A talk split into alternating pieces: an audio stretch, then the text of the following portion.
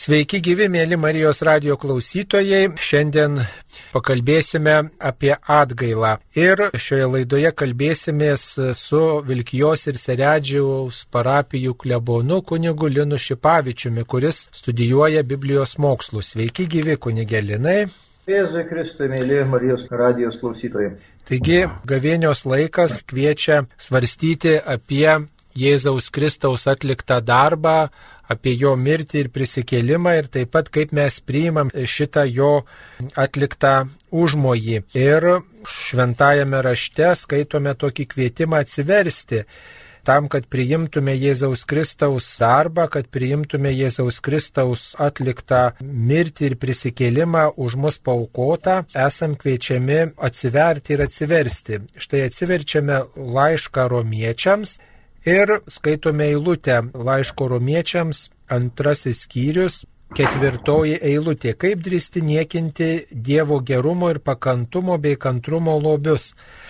Ar nesupranti, kad Dievo gerumas skatina tave atsiversti, dėja savo užkėtėjimu bei netgailaujančią širdimi tu pats savo kaupi rūstybę dienai, kurią apsireikš Dievo rūstybė ir jo teisingas teismas jis kiekvienam atmokės už jo darbus, tiems, kurie ieško šlovės, garbingumo ir nemirtingumo, ištvermingai darydami gerą amžinuoju gyvenimu, o išpuikeliams, kurie neklauso tiesos, bet yra pasidavę neteisumui, pikčiu ir rūstybė. Štai ištrauka iš laiško romiečiams, antrasis skyrius nuo ketvirtos iki aštuntos eilutės. Taigi tas kvietimas atsiversti dažnai šmėžuos šiuo gavėnios laiku. Gal galėtume šiek tiek daugiau apie tą kvietimą atsiversti, kalbėti, nes tai yra turbūt kelias į atgailą. Turbūt biblinis supratimas apie atsivertimą tai yra mąstymo keitimas, ar teisingai suprantame? Būtent, būtent. Naume testamente vartojamas tam žodis metidzo arba daiktavardis metanoje. Ir jis reiškia iš tikrųjų, na, kaip kunigė Saulius sakėte, keitimas krypties, toksai pažodinis vertimas, keitimas krypties, keitimas mąstymo. Bet dažniausiai, kiek vat sutinka su tokia nuomonė, kad ir pamokslininkai, ir netgi daugelis knygų rašo, kad būtent tas vat, atsivertimas, apie kurį mes kalbame, metanoje arba metidzo, jie kalba, kad tai yra na, tas vidinis bet iš tikrųjų nieko panašaus. Jėzus, kada pradeda savo viešąją veiklą, jeigu skaitome, pažiūrėjau, Morkaus Evangeliją, pačioje pradžioje, pirmas skyrius, man atrodo, 13 eilutė, 13 ir 15, sako, atsiverskite ir įtikėkite, nes prisertino dangaus karalystė. Ir čia jisai naudojamas tas žodis būtent metidzo arba metanoje, kuris kalba apie išorinį žmogaus pasikeitimą, apie išorinį atsivertimą. Ir tik paskui, tarkime, skaitydami Mato Evangeliją, ten 18 skyrius, kada Jėzus pasiima šalia savęs pastato vaikelį, sako mokiniams, jeigu neatsiversite ir netapsite kaip šitas vaikelis, neįsite į dangaus krysę. Ir ten yra jau žodis naudojamas strefo. Ir strefo yra būtent tas vidinis atsivertimas. Ir Evangelija nori pasakyti, kad visų pirma žmogus turi atsiversti išoriškai. Išoriškai pradėti daryti tam tikrus darbus. Ir tik tai paskui jo keičiasi vidus. O pas mus kažkaip tai mąstysino yra, kad štai mes dabar dirbame su savimi ir norime to visų pirma vidinio atsivertimo, vidinio pasikeitimo. Ir tas vidinis pasikeitimas iš tikrųjų neteina taip greitai. Ir žmogus kartais nuleidžia dėl to rankas. Bet Biblija kalba visai kitaip. Biblija sako, tu turi atsiversti išoriškai. Tai pradėti bent nuo mažų darbų, nuo mažų kažkokių tai, sakykime, pastangų. Ir pamatysi, kad paskui tavo tas vidus sužydės. O mes laukiame to vidinio pasikeitimo, laukiame, laukiame ir jisai praeina ir 5 metai, ir 10 metų, ir 15 ir mes nesulaukime. Tai čia va tas va dalykas būtų turbūt svarbiausia. Ir, ir aišku, hebrajų kalboje taip pat kalbama apie tą sugrįžimą į teisingą kelią, tas atsivertimas, ar ne, kaip, kaip ir to, toksai yra e, sąsaja su nuodėme. Bet turbūt reikia pasakyti, kad tas toksai, na, didžiausias atsivertimo šauklys iš tikrųjų buvo Jonas Krikštojas, kuris prie Jordano upės kvietė visą tautą būtent atsivertimui, nuodėmių užpažinimui ir atsivertimui. Ir paskui tą Jono Krikštojo misiją arba Jono Krikštojo šūkį tęsia viešpats Jėzus. Galbūt tuo atsivertimo pavyzdžiu galėtų būti muitininkas Zachiejus, kuris e, štai sutikęs Jėzų iš smalsumo norėjęs jį pamatyti, stebėti, kas jis čia toks, kuris čia einas ir kaip jis atrodo, buvo taip paliestas, kad nusprendė iš tiesų pasikeisti ir tą atgailą, tą atsivertimą paliudyti išoriniais darbais kaip rašoma Evangelijoje pagal Luką 19 skyriuje 8 eilutėje. Zachiejus atsistojęs prabilo į viešpatį, štai viešpatė pusę savo turto atiduodu vargšams ir jei ką nors nuskriaudžiau, gražinsiu keturgubai. Jėzus tarė, į šiuos namus šiandien atėjo išganimas, nes ir jis yra Abraomo palikuonis. Žmogaus sunus atėjo ieškoti ir gelbėti, kas buvo pražuvę. Bet e, tas išorinis ženklas, kad štai žmogus nusprendė atitaisyti skriaudą įvyko vis tiek po to, kai jisai sutiko Jėzų, patyrė Jėzaus artumą, tai gal tam atsivertimo keli turbūt vis tiek tas vidinis santykis su Jėzumi turbūt vis tiek eina pirma, o tik paskui tie darbai, atsivertimo darbai matomi. Bet reikia atkreipdėmėsi, kad čia iš karto tas toksai parodoma ta, ta, ta tokia ekspresija, ar ne? Jisai iš tikrųjų ieško Jėzaus, taip yra, pirmas tas toksai žingsnis, ar ne? Jisai, tarkime, yra mažo ūgio, tai jisai galvoja, ką čia padarius, įsilipa į sikomorą. Ir tada, kada jisai jau įsilipa į sikomorą ir jau laukia praeinančio Jėzaus, atkreipkime dėmesį, kad Jėzus pirmas jį užkalbina. Penktoji eilutė sako, atėjęs į tą vietą ir pažvelgęs aukštyn, Jėzus tarė, Zachėjau greit lip žemyn, man reikia šiandien apsilankyti tavo namuose. Ir čia vat yra ta tokia Dievo pedagogika, kad tarytum žmogus ieško, ar ne? Žmogus ieško Dievo. Bet Dievas pirmas tarytum išeina į tą konfrontaciją ir Dievas pirmas jį suranda. Ir žiūrėkite, kas toliau vyksta. Zakėjus nieko nesako ir paskubėjęs nulipo žemyn ir priėmė jį džiaugdamasis ir pamatė visi murmėjo sakydami, kad pas nuodėmingą vyrą įėjo apsistoti. Ir tada ta nuostabi eilutė, kurią ką tik tai skaitėjai, atsistojęs Gizachėjus tarė viešpačiui. Štai pusę mano turto viešpati varšams duodu ir jei kam nors pakenkiau, atiduodu keturgubai. Čia iš tikrųjų va tas įdomus labai žodis. Mūsų lietuviškame vertime Česlavo Kavaliausko ir jei ką nors nuskriaudžiau, taip pat yra pas Jurėną, ko nors neteisėtai išgavau. Bet būtent tas žodis pakenkiau yra psikofanteo. Jisai reiškia ne tik tai pakenkti, bet iš tikrųjų reiškia pakenkti įskūsdamas arba šantažuodamas. Štai tokia iš tikrųjų jo yra reikšmė. Ir dabar toliau sako, atiduosiu keturgubai.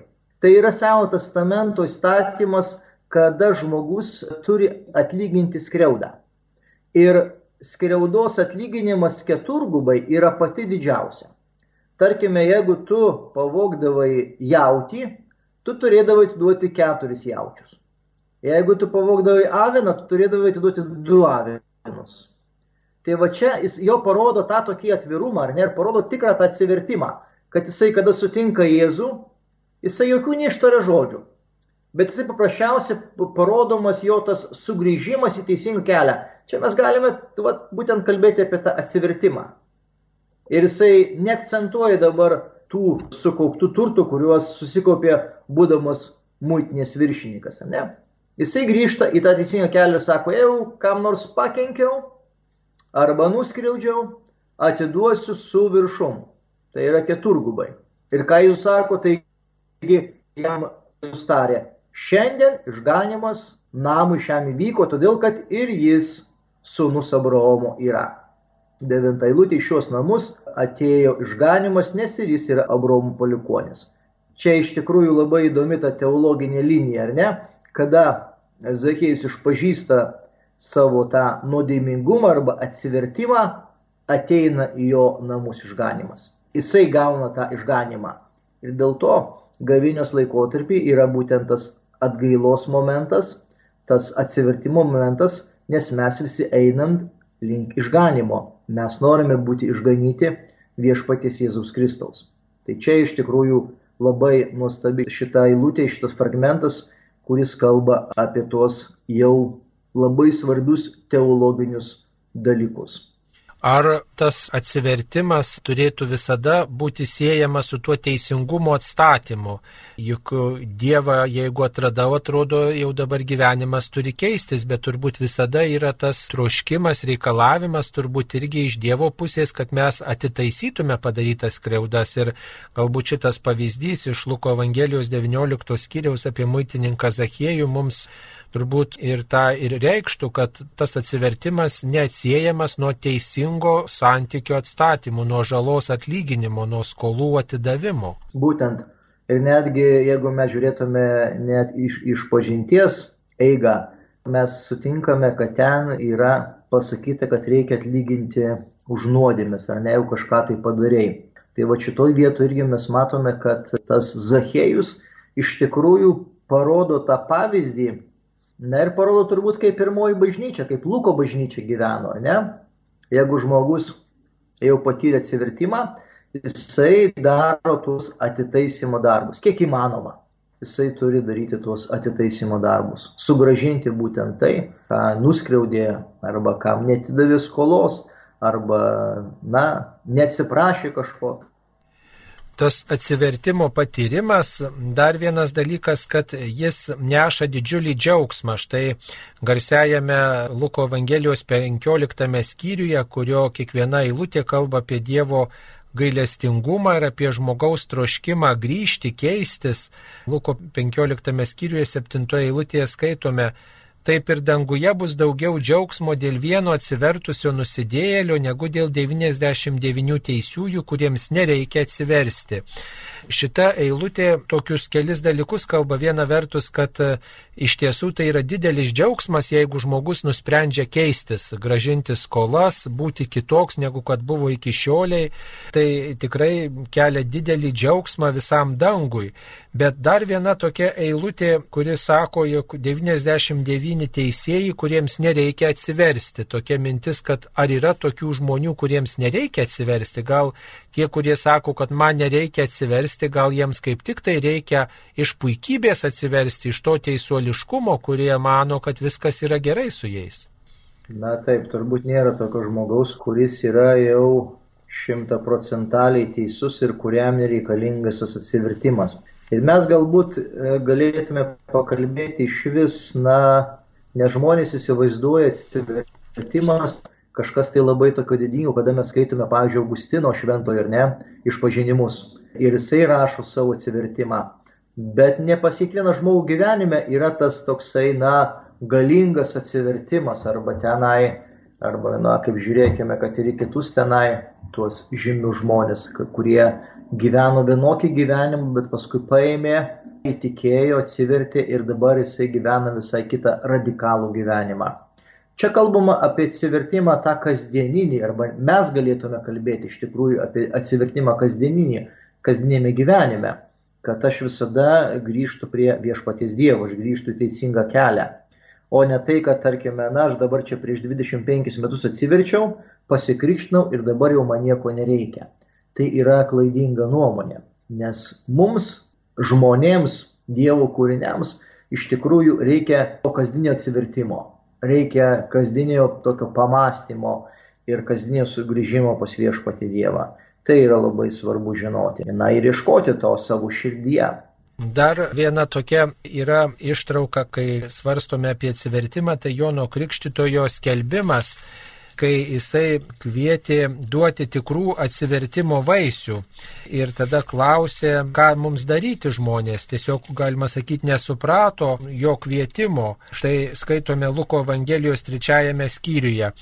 Ateinančioms pas jį krikštytis minioms Jonas sakė, engių išperos, kas jūs pamokė bėgti nuo besertinančios rūstybės, duokite tikrų atsivertimo vaisių. Ir nebandykite ramintis, mūsų tėvas Abraomas. Ir tada minios klausinėja, tai kągi mums daryti. Kitaip sakant, jie klausia, kas yra tas atsivertimas, kaip duoti tų vaisių atsivertimo. Ir Jonas Krikštytojas atsako, kas turi dviejus marškinius, te pasidalyja su neturinčiu, kas turi ko valgyti, tegul tai padaro. Ir muitininkai taip pat klausė, o jis jiems atsako, nereikalaukite daugiau negu jums nustatyta, o kariams atsakė, nieko neskriauskite ir neįdavinėkite dėl pelno, tenkinkite savo algą.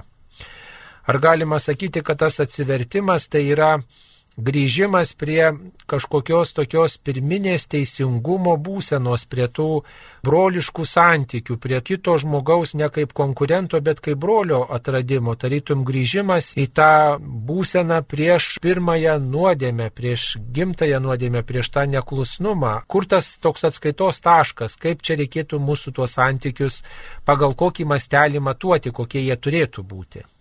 Čia kaip ir minėjai, tas prigimtinis dalykas, kad žmogus iš tikrųjų prigimties pažeistas, jisai kažkaip tai, na, nuo to Dievo laikui bėgant nusisuka arba ar paprasčiausiai nukrypsta, ar paprasčiausiai pagalvoja, kad jam Dievo nereikia, jisai gali puikiai tvarkyti savo gyvenime ir be jo. Tas nutiko ir pirmiesiems tėvams ir dėl to, na, teologija mums aiškina, kad žmogus visada turi grįžti grįžti prie viešpatės Dievo. Dėl to yra reikalinga liturgija, ne? Dėl to reikalingos sekmadienį mišios, kad žmogus ateitų, jisai sugrįžtų pas viešpatį Dievą, klausytų jo žodžio ir darytų tam tikrus pasiryžimus, kurie reikalingi šitam žemiškam gyvenimui.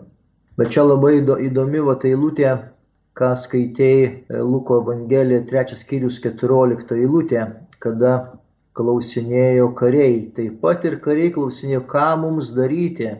Jis jiems sakė, nei iš vieno nespauskite pinigų, nei daivinėkite norėdami pasipelnyti, tenkinkitės savo algą.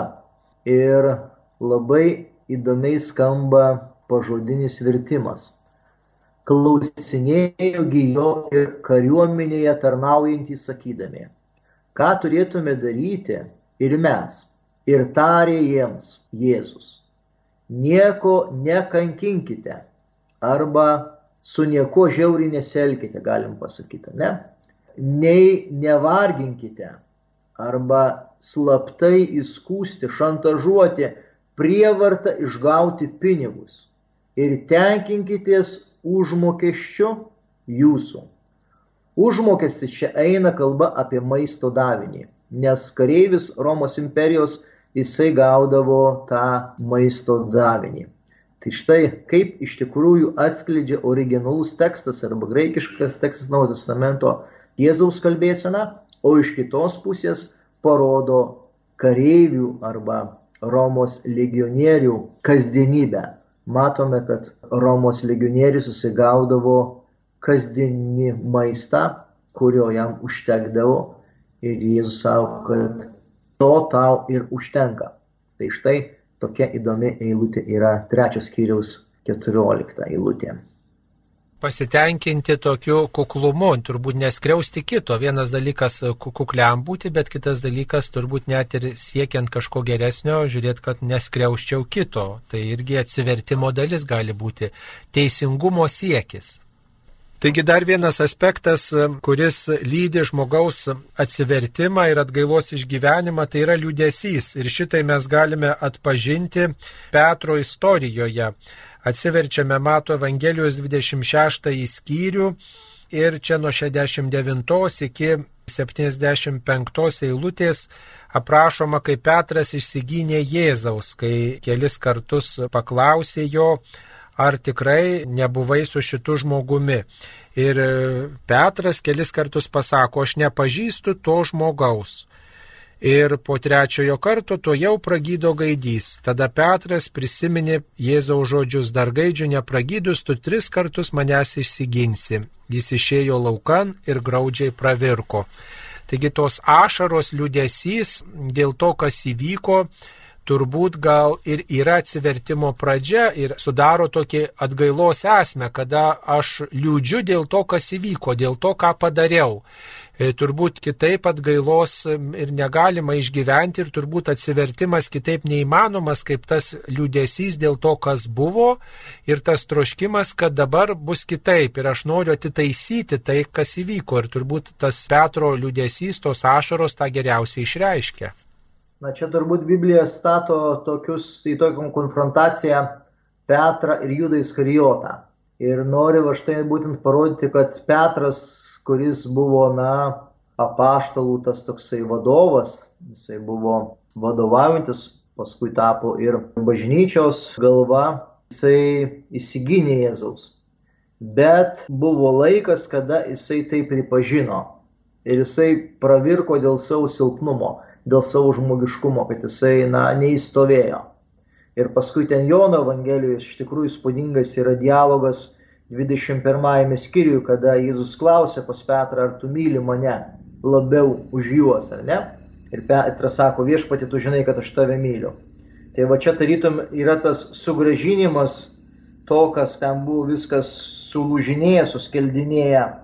O Judo istorija yra kitaip. Judas padarė klaidą, kaip ir Petras padarė klaidą. Judas irgi padarė klaidą, bet Judas neparodė gailėšio, neparodė ir jisai, na, neįėjo į konfrontaciją su ta situacija ir kitaip pabaigė savo gyvenimą. Na, Petras irgi pabaigė kankio mirtimi, bet Petras pabaigė būtent toje garbėje šlovėje, o Judas pabaigė visai kitoje situacijoje. Tai galbūt per tai galėtume žiūrėti į Petro įvaizdį. Iš kitos pusės Evangelija būtent parodo, kad Petras labai buvo pasitikinti savimi skaitome vienoje vietoje ir kitoje vietoje, sako viešpatie, jei tave visi paliktų, aš tavęs nepaliksiu, ne? Ir netgi Getsemanė, Lyvų sodį įsitraukia kardą ir nukirta tarnui malkui ausį. Petras yra toksai, na, karingas, kaip psichologai dabar daro čia įvairius žmonių tuos psichologinius paveikslus, sako, Petras buvo cholerikas, ar ne? Jisai vieno žodžiu tenai už Jėzų į mirtį, už Jėzų viską, bet ateina laikas ir Petras mato, kad nelabai jam čia pavyksta bet esmė yra labai tokia.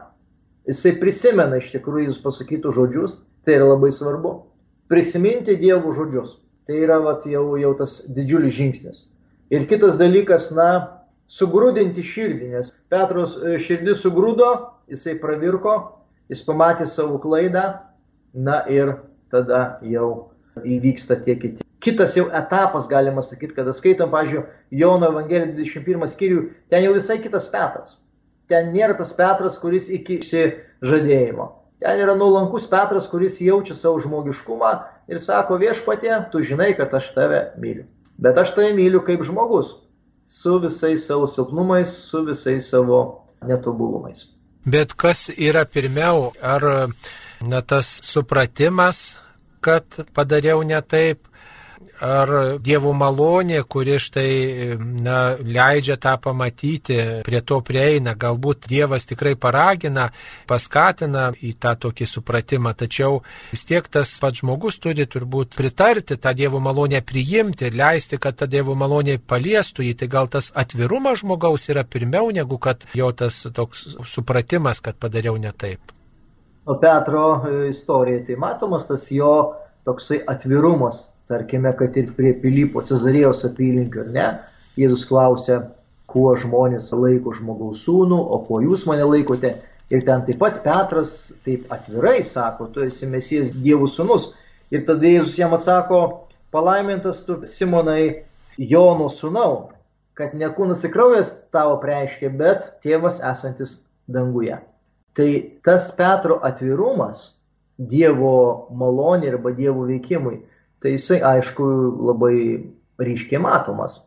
Bet iš kitos pusės mes matome, kad ir Petras bendradarbiavo su Dievo malonė. Ir nors Petras yra šalia Dievo sunaus, vis dėlto tas žmogiškas silpnumas arba žmogiškos klaidos yra neišvengiamos. Tai čia irgi mes turėtume va aiškiai pasakyti, kad žmogus galvoja, jeigu aš dabar gyvensiu sakramentinį gyvenimą, jeigu aš būsiu bažnyčios narys, aš nenupulsiu nuodėmėje. Tai yra klaidinga mąstysena. Nes Petras buvo arčiausiai Dievo sūnaus. Petras taip pat turėjo tą Dievo malonę, nes jisai buvo pašauktas būti apaštalu. Dar reikia, nepamirškime, kad ne šiaip jie ten užsirašė pas Jėzų, ar ne? Petras buvo pašauktas Jėzaus. Ir ne visi buvo pašaukti būti apaštalais, ar ne, bet tik tai tuos, kuriuos Jėzus norėjo. Tai čia irgi yra jau tam tikra malonės būsena, nes ten Evangelija rašo, kad, tarkime, daugiau buvo tų mokinių nei dvylika. Bet Petras jau buvo tos dvylikos jau centre ir pagrindinis asmuo, ar ne? Tai Petras turėjo tam tikrą Dievo malonę ir, ir tam tikrą Dievo planą bet ir jam paprasčiausiai, na, nepavyko padaryti viską tobulai. Ir tai yra mums kalbėjimas. Dar viena tokia panaši tema, tai yra ta liūdėsio tema ir tokios ištikimybės tema, kuri išgyvenant atgailą yra labai svarbi. Ir mes pastebime ją Luko Evangelijos 7 skyriuje nuo 36 eilutės, kai pas Jėzų ir fariziejų pietaujančius atėjo moteris ir plovė Jėzaus kojas ašaromis, šuostė savo galvos plaukais, bučiavo kojas ir tepė jas tepalu. Toks dėkingumo atgailos ženklas ir neveltų Jėzus kritikuojantiems šitą veiksmą fariziejams pakomentuoja, kad ta moteris patyrė gailestingumą, jai atleidžiama daugybė jos nuodėmių, nes ji labai pamilo, skaitome 7 skyriaus 47 eilutėje, ką mažai atleista, tas menkai myli, o jei tari atleidžiamos tau nuodėmis. Na ir sėdintieji kartu už stalo pradėjo svarstyti, kasgi jis toks, kad net ir nuodėmės atleidžia, o jis tarė moteriai, tavo tikėjimas išgelbėjo tave, eik rami. Taigi Jėzus ir atleidžia nuodėmės ir kartu priima tą moters tokį dėkingumo, ištikimybės, nusižeminimo gestą, ir na, priima jos tas atgailos ašaras. Tai turbūt dar kartą patvirtina šis epizodas, kad atgaila turbūt be ašarų, be tos ištikimybės, be to tokio priraišumo prie Dievo yra neįmanoma, kai aš koja ant kojos užkėlęs sėdėsiu, sakysiu, aš atgailauju. Arba, ai, šiandien aš atgailauju, rytoj nelabai. Tai ta atgaila nebus tokia gili, nebus tokia pilna, be tų ašarų, be to nusiminimo dėl to, kas įvyko ir be, be tos pareikštos ištikimybės Dievui, kad reiškia aš į Dievą vis tiek kaip į paskutinę instanciją sudedu savo troškimą, nes niekas kitas negali man nuodėmio atleisti, tik Dievas. Ir dėl to ta atgaila būtent ir prie Dievo ir atveda, nes niekas kitas negali mano nuodėmių išdildyti, mano praeities pakeisti, tik gali Dievas. Ir aš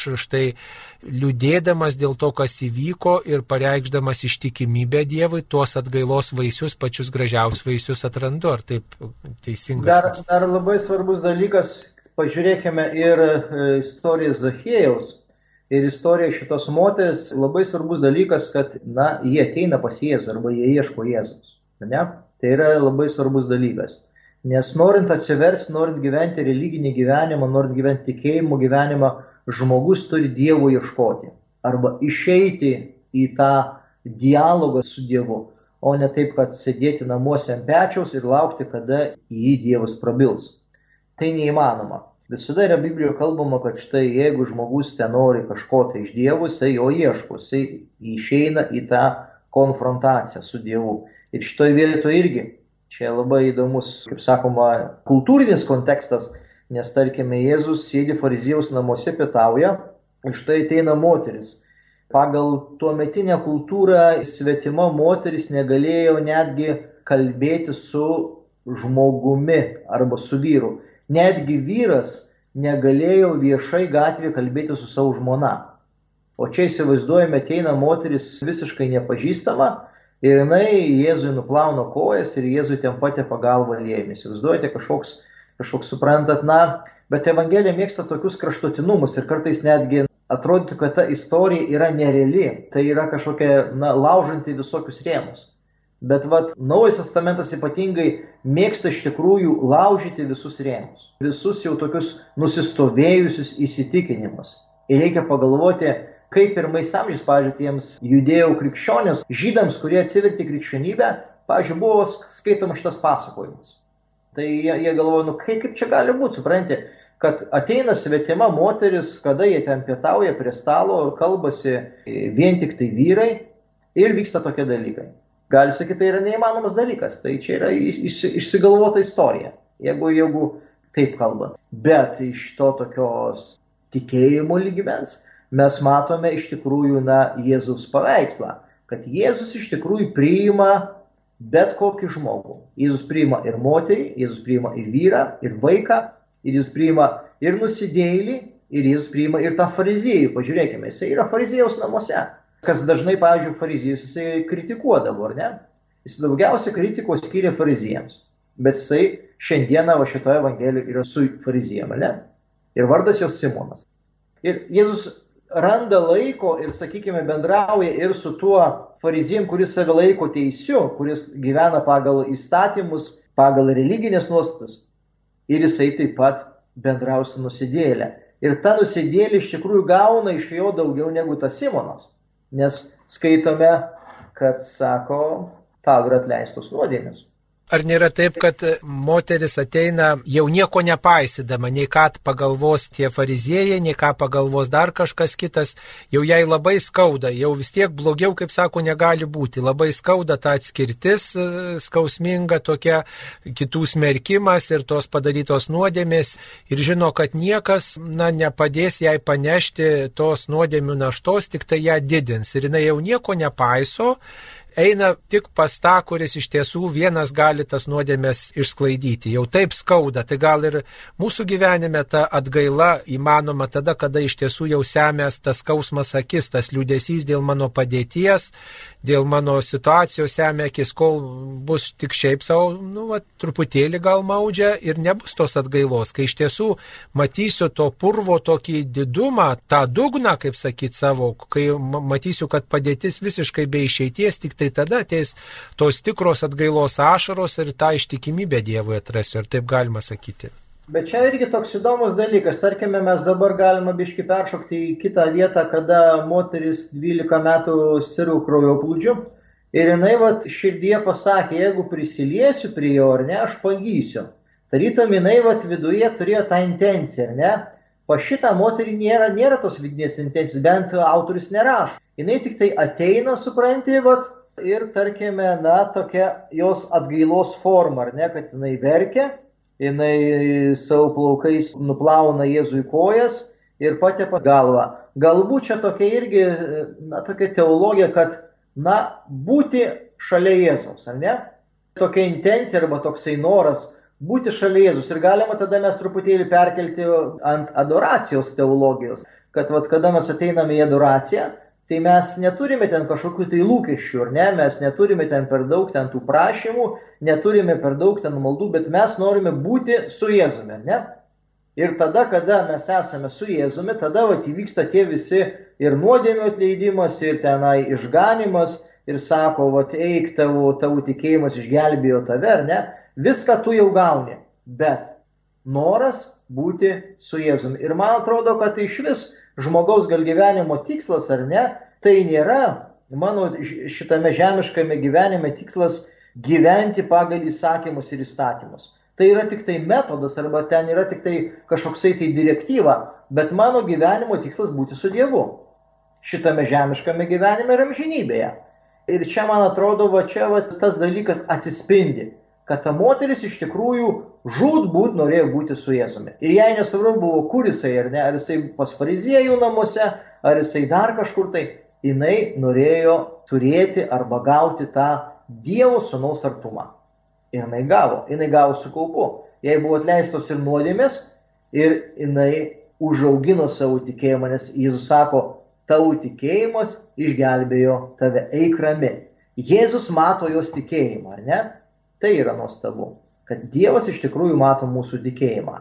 Einant prie Jėzaus ir išgyvenant atgailą, turbūt labai svarbu išpažinti ir tiesą apie save, būti akistatoj su savo klaidom. Dievas atleis vieną vertus galvojam, bet kitą vertus suvokti ir savo tą padaryto blogio tokį mastą Kartais mums atrodo, kad galim daryti, ką norim, Dievas viską atleis. Bet mes tokiu būdu nesuvokiam, kiek daug iš tiesų blogio padarom. Turbūt išgyvenant atgailą yra nepaprastai svarbu ne tik tai suprasti, kad Dievas atleis, bet ir suprasti tą padaryto blogio skausmą, nuodėmės mūsų didumą. Apie tai galime skaityti Luko Evangelijos 23 skyriuje nuo 39 eilutės, kai Jėzus kabojo ant kryžiaus ir šalia jo buvo du nusikaltėliai. Vienas pradėjo įžeidinėti Jėzų, o kitas sudraudė jį. Skaitom 40 eilutėje. Ir Dievo tu nebijai kentėdamas tą pačią bausmę, juk mūdu teisingai gavome, ko mūsų darbai verti, o šitas nieko blogo nėra padaręs. Ir jis tarė Jėzui, Jėzau prisimink mane, kai ateisi į savo karalystę. Jėzus jam tarė, iš tiesų sakau tau, šiandien su manimi būsi rojuje. Tai čia galime turbūt išvelgti, kad žmogus priima Jėzų, pritarė, kad šitas yra teisusis, bet kartu ir išgyvena tiesą dėl padarytų savo blogų darbų. Ir reiškia, Jėzus yra vienintelė tokia viltis, vienintelis teisusis, kuris na, gali kažkaip palengvinti na, jo tą apmaudą dėl padaryto blogo darbo, bet jisai suvokia, kad štai teisingą atpildą gavome. Ir mums turbūt kartais reikia išgyvenant atgailą suprasti, kad padarėm tikrai labai blogai ir čia tai yra didelis nusikaltimas, ką mes padarėm. Suvokti to nusikaltimo mastą, ar ne taip? Čia labai svarbi šitą eilutę 42. Jėzu prisimink mane, kai ateisi į savo karalystę. Šitą eilutę cituoja rytų bažnyčioje, kada yra šventoji komunija. Mes sakome, viešpatė nesuvers, kad ateitum į mano širdį, bet tik tarp žodį ir mano siela pasveiks. Mes sakom šitą citatą. O rytų bažnyčia būtent sako, Jėzau prisimink mane, kai ateisi į savo karalystę. Ir tada žmonės eina šventą komuniją. Tai čia iš tikrųjų, na, yra nuostabi eilutė. Ir komunijos metu tada žmogus, ypatingai rytų bažnyčios, jisai save tapatina su tuo, na, geruoju latru, kaip mes liaudiškai sakome, ne, gerasis latras, kuris ant kryžiaus atsivertė. Mes kunigė Sauliau čia kalbame apie atsivertimą netgi ant kryžiaus. Ir irgi Evangelija parodo, kad atsivertimas gali vykti bet kada. Netgi jau ir mirties akivaizdoje. Bet vėlgi pažiūrėkime, kas yra šalia. Šalia yra Jėzus. Be Jėzaus nėra atsivertimo. Be Jėzaus neįmanomas atsivertimas. Turi būti šalia Jėzus arba turi būti dialogas su Jėzumi. Nes jeigu to nebus, tai nebus ir atsivertimo. Na, bet čia tas dialogas vyksta pripažįstant tiesą apie savo situaciją, reiškia. O pripažįstant... čia irgi labai geras pastebėjimas, kad vienas iš tikrųjų, na, tarytum, kiksnoja Dievą, o kitas pripažįsta savo situaciją arba pripažįsta savo iš tikrųjų, na, nuodėmingumą ir tada įvyksta atsivertimas. Ir tas pirmas žingsnis, aišku, būtent pripažinti savo klaidą, pripažinti savo nuodėmę. Tai va tas pripažinimas savo silpnumo, tokio marumo, nuodėmingumo, jisai mus padaro stiprius. Bet ar galėtume dar pridėti vieną tokį dalyką, kad išgyvendami atsivertimą, išgyvendami atgailą negalime savęs lyginti su kitais, taip kaip kiti išgyvena, vis tiek tai yra labai toks asmeniškas veiksmas. Ir nesvarbu gal kokiam etape būčiau, tikėjimo etape ar, ar Dievo pažinimo etape ar, ar suvokimo etape, vis tiek reikia turbūt už save svarstyti, o kitas žmogus eina savo keliu, aš galiu eiti šalia jo, galiu kitam padėti, bet galiu ir kitą žmogų tiesiog atskirti nuo Dievo arba pats savo tą kelią užtverti, sakykime, lygindamas, menkindamas kitą ir kad atgailos keli tai vis dėlto yra neįsivaizduojama, kaip aš galiu kitą menkinti arba jaustis už kitą vertesniu. Ir dar papildant galima vat, pacituoti apaštlų darbus 13 skyrių 38 ir 39 eilutes. Taigi žinokite, broliai, kad jums skelbiamas nuodėmio atleidimas per Jėzų. Atkreipkime dėmesį, kad nuodėmio atleidimas yra skelbiamas per Jėzų. Ir kiekvienas įtikintis nuteisinamas jo dėka nuo viso to, nuo ko nepaėgė jūsų išteisinti Mozės įstatymas. Tai turėtum, čia yra tas papildymas va tos diskusijos, ar ne, tos maldos fariziejaus ir muitininko. Nors abu buvo turbūt žydai. bet štai išpažinimas arba pasirinkimas tos religijos arba to tikėjimo kelio vis dėlto parodo, kas yra svarbiau.